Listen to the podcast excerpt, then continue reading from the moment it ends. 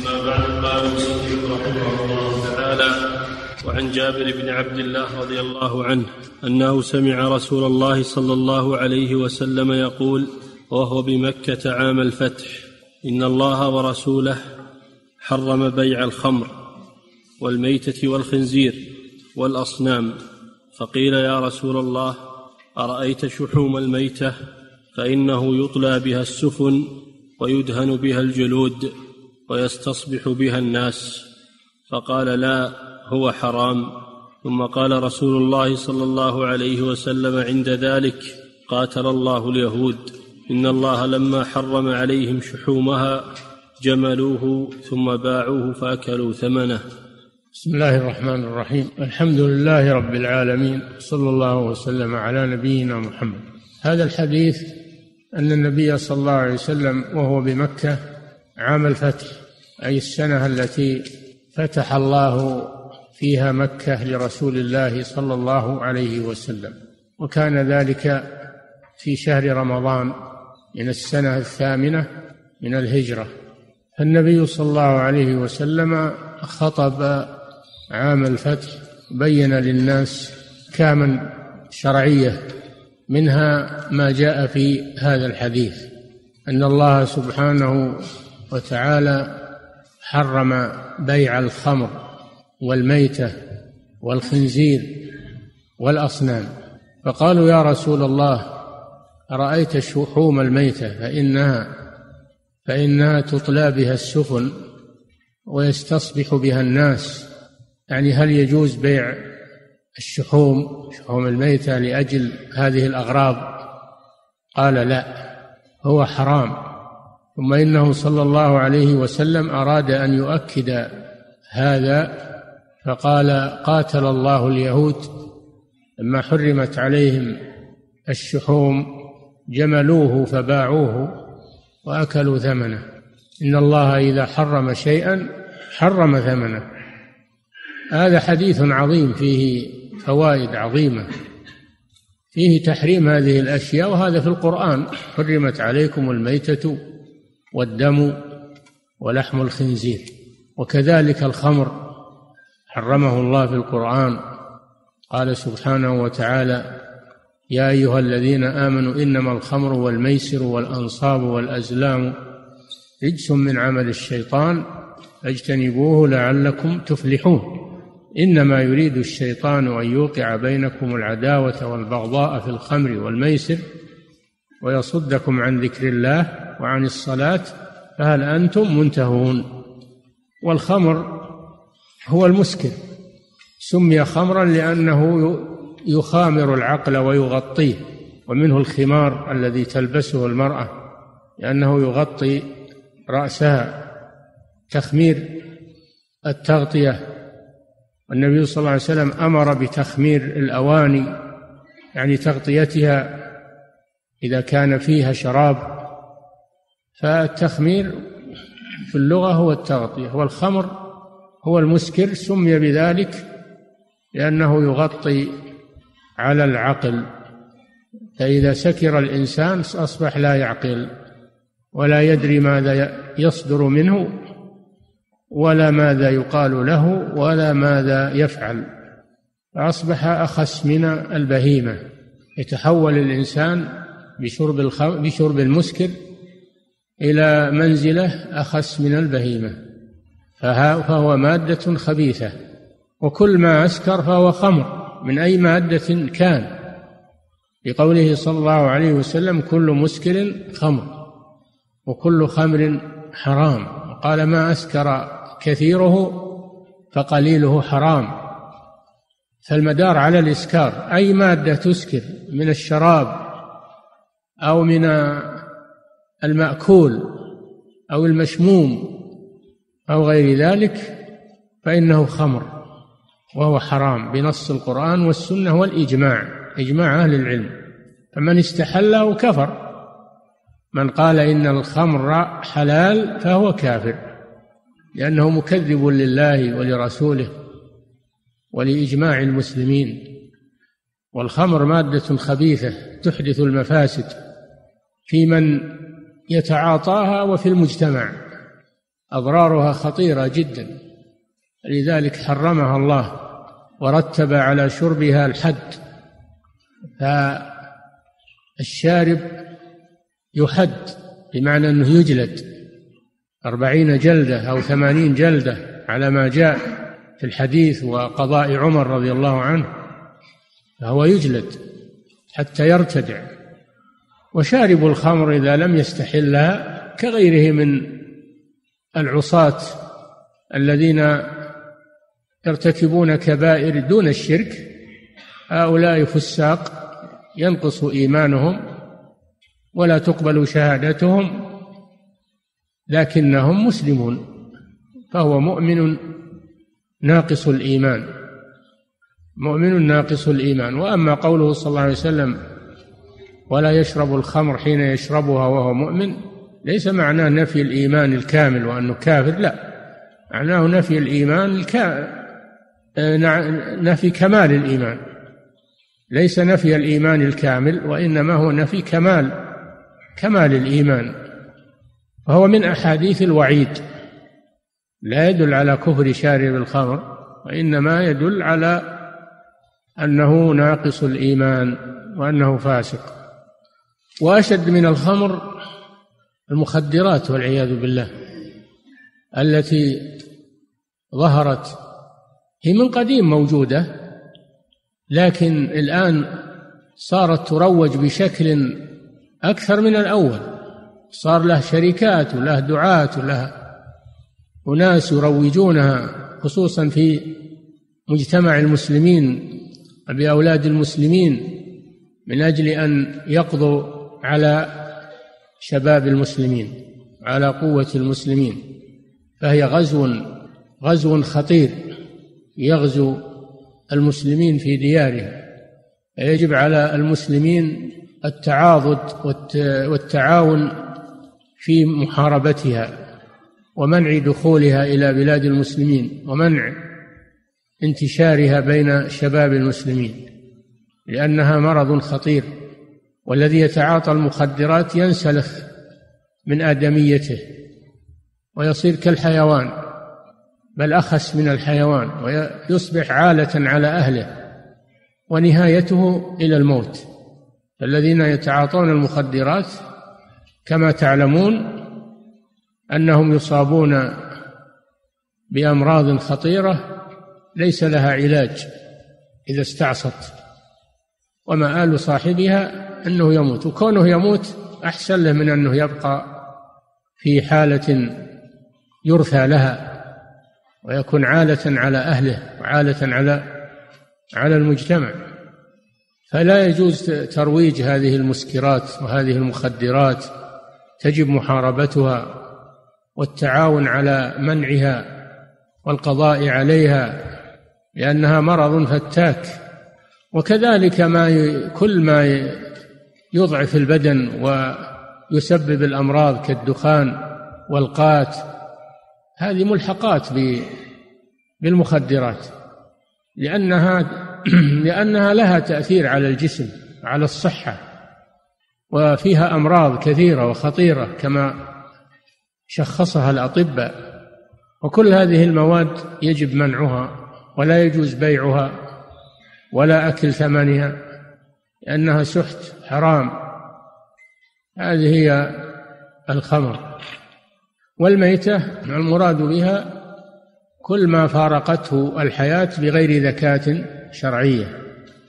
ما فارقته الحياة بغير ذكاة شرعية فهو ميتة. سواء مات حتف أنفه أو مات بذكاة غير شرعية بأن ذبحه وثني أو مرتد فذبائح المشركين وذبائح المرتدين والملاحدة لا تحل لأن لعدم أهلية الذابح.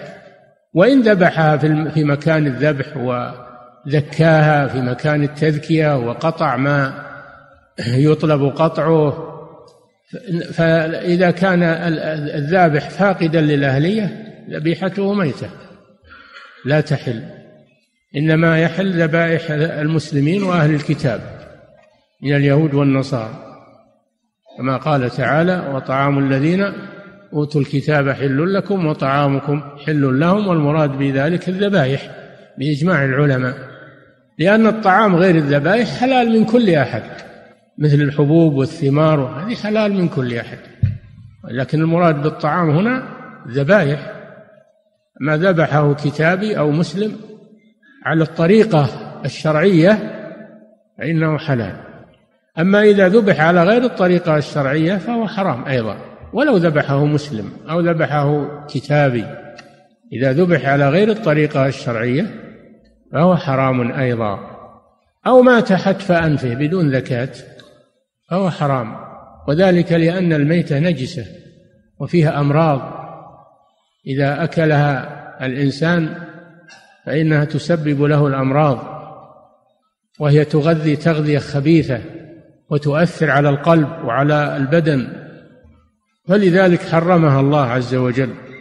حرمت عليكم الميتة. ويستثنى من الميتة ما استثناه الرسول صلى الله عليه وسلم. أحل لنا ميتتان. حل لنا ميتتان السمك والجراد. السمك وهو ما يعيش في البحر من الحيوانات بجميع أنواعه حل لكم صيد البحر وطعامه. فيؤكل ولا يحتاج إلى زكاة. والجراد وهو المعروف الذي يأتي في أوقات وهو حلال ولا يحتاج إلى زكاة يجوز أكله. هذا مستثنى. من الميتة. حل لنا ميتتان السمك والجراد ودمان وهما الكبد والطحال. الدم حرام لكن يستثنى منه الكبد والطحال. والميتة الخمر والميتة ولحم الخنزير. الخنزير وهو حيوان قذر حيوان قذر ولا يتغذى إلا بالنجاسات. والعذرة فلحمه خبيث ويغذي تغذية خبيثة وفيه أمراض. لذلك حرمه الله عز وجل. قد شخص الأطباء فيه أمراضا مثل ما سموه الدودة الشريطية. الدودة الشريطية يقولون لا تموت بالطبخ ولا بأشد الحرارة ما تموت. تبقى فإذا أكل الإنسان أصابته أصابت جسمه. الله جل وعلا حرم لحم الخنزير والأصنام الأصنام والأصنام هي التي تعبد من دون الله عز وجل وهي على صورة حيوان كصور الآدميين أو صور أو صور الحيوانات أو صور الطيور تماثيل. أو أو الرسم الصور المرسومة أو الملتقطة بالآلة. كلها حرام لأنها وسيلة من إما أنها تعبد من دون الله وإما أنها وسيلة من وسائل الشرك. فما حدث الشرك في قوم نوح إلا بسبب الصور. وما حدث الشرك في بني إسرائيل إلا بسبب العجل الذي صوره لهم آه، السامري. صوره لهم السامري تمثال من الذهب فعبدوه من دون الله عز وجل.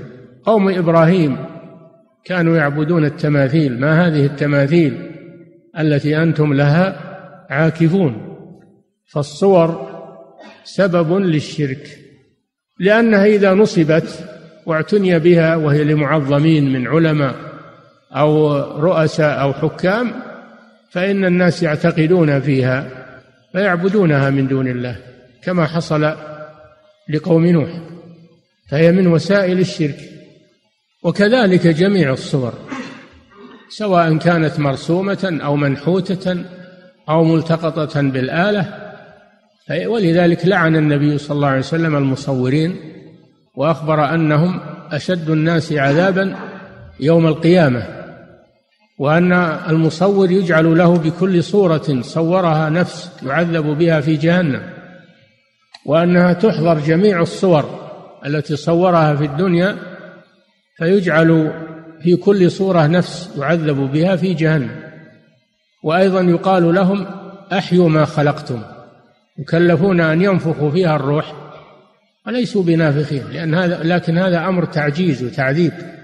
لأنه لا ينفخ الروح والحياة إلا الله جل وعلا. الحاصل أن الصور خطرها عظيم ولا يجوز انتشارها في الناس إلا الصور الضرورية التي تؤخذ للضرورة كصور البطاقة وجواز السفر وهذه للضرورة لأنك ما تصل إلى حاجتك إلا بها. فأنت تتخذها من باب الضرورة إلا ما اضطررتم إليه. أما الصور التي تتخذ للذكريات أو تتخذ للزينة والتباهي بها هذه حرام لا يجوز بقاؤها في البيت. النبي صلى الله عليه وسلم قال لا تدخل الملائكة بيتا فيه كلب ولا صورة. وقال لعلي رضي الله عنه لا تدع صورة إلا طمستها. لا تدع صورة إلا طمستها ولا قبرا مشرفا إلا سويته.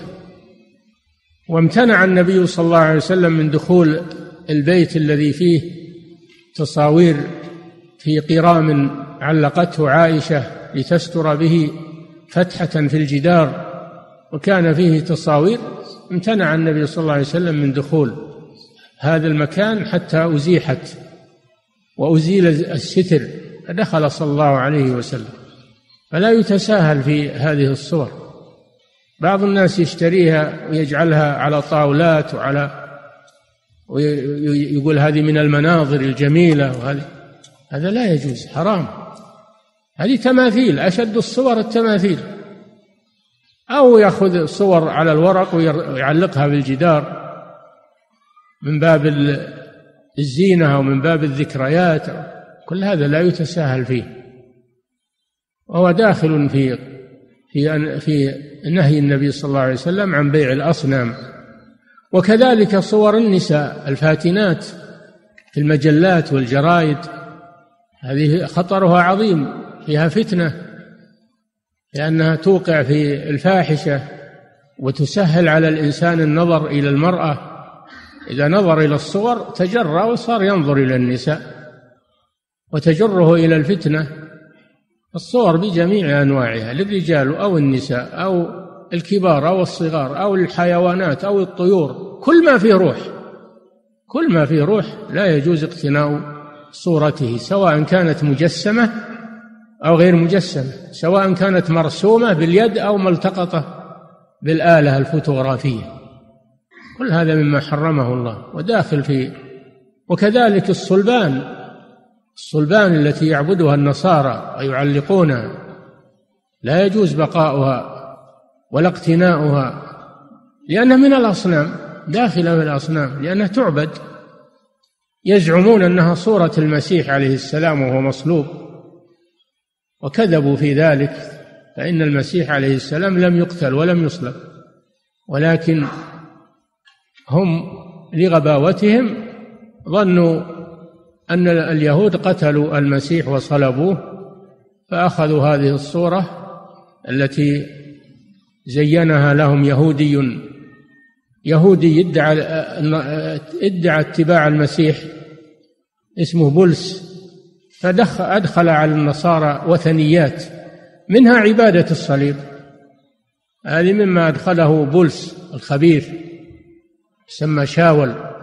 أدخلها على النصارى فغير دينهم بذلك. وهو بذرة يهودية غيروا دين المسيح بهذه الطريقة. فالصلبان تدخل في, في الأصنام أيضا لأنها صنم في الحقيقة. فلا يجوز اقتناء الصلبان أو تعليق الصلبان على الجدران أو على الأبواب أو رسمها أو على شكل نقوش. كل هذا لا يجوز. لأنها شعار نصراني ولأنها صورة لأنها صورة إنسان مصلوب على خشبة.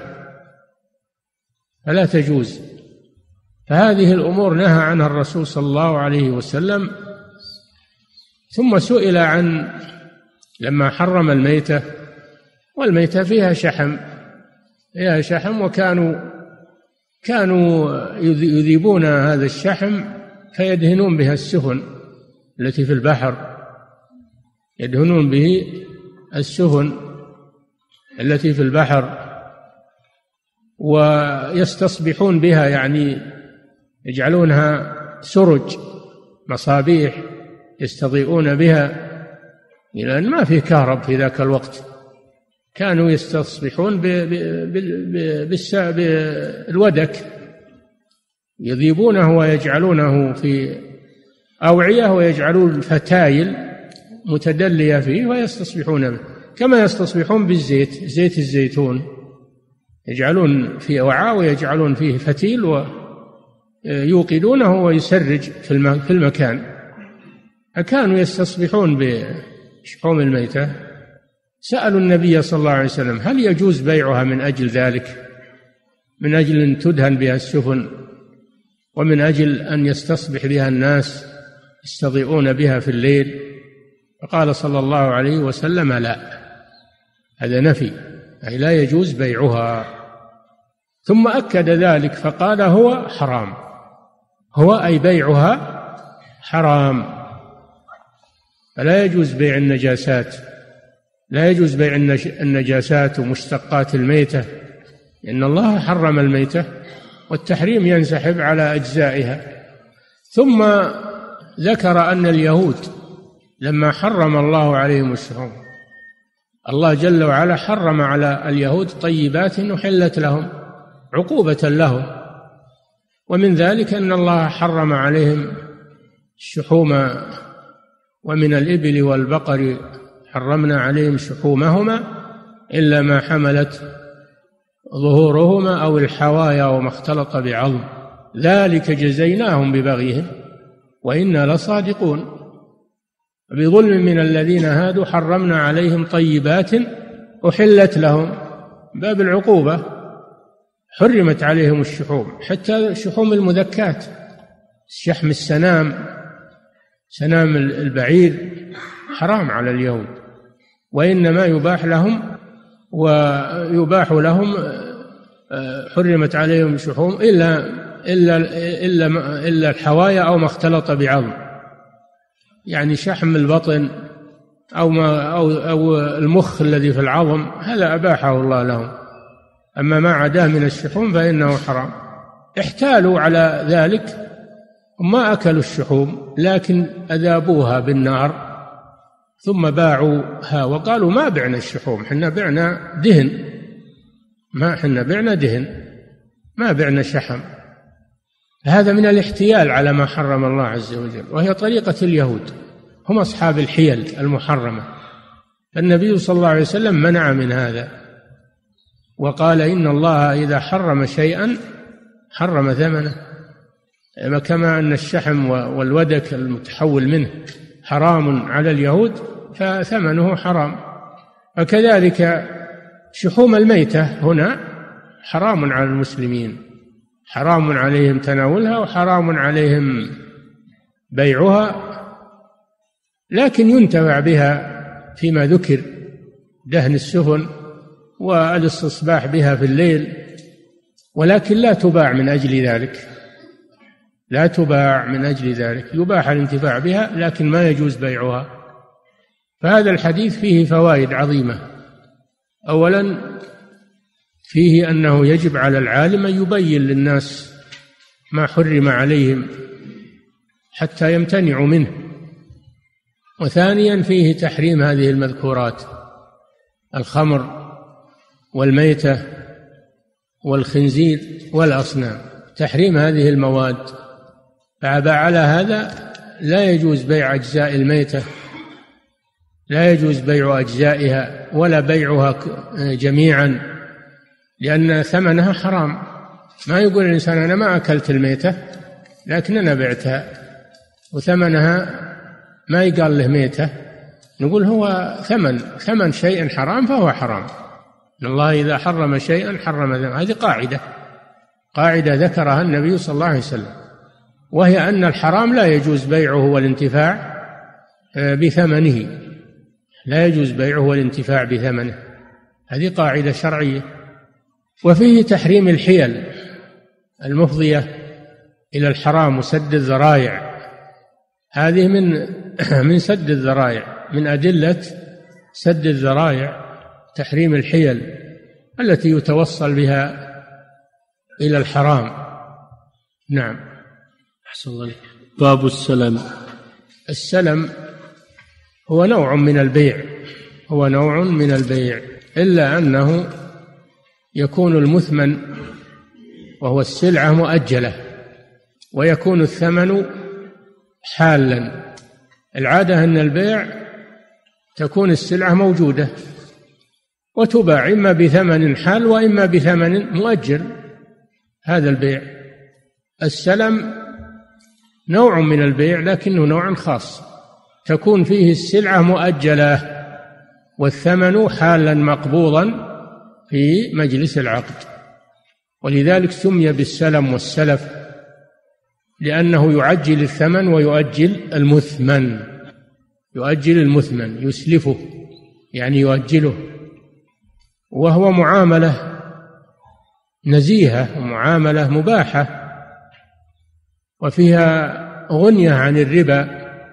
فلو أن أصحاب المصانع وأصحاب المزارع وأصحاب الثمار يتعاملون بالسلم لكان ذلك مندوحة لهم عن الربا والاقتراض بالربا.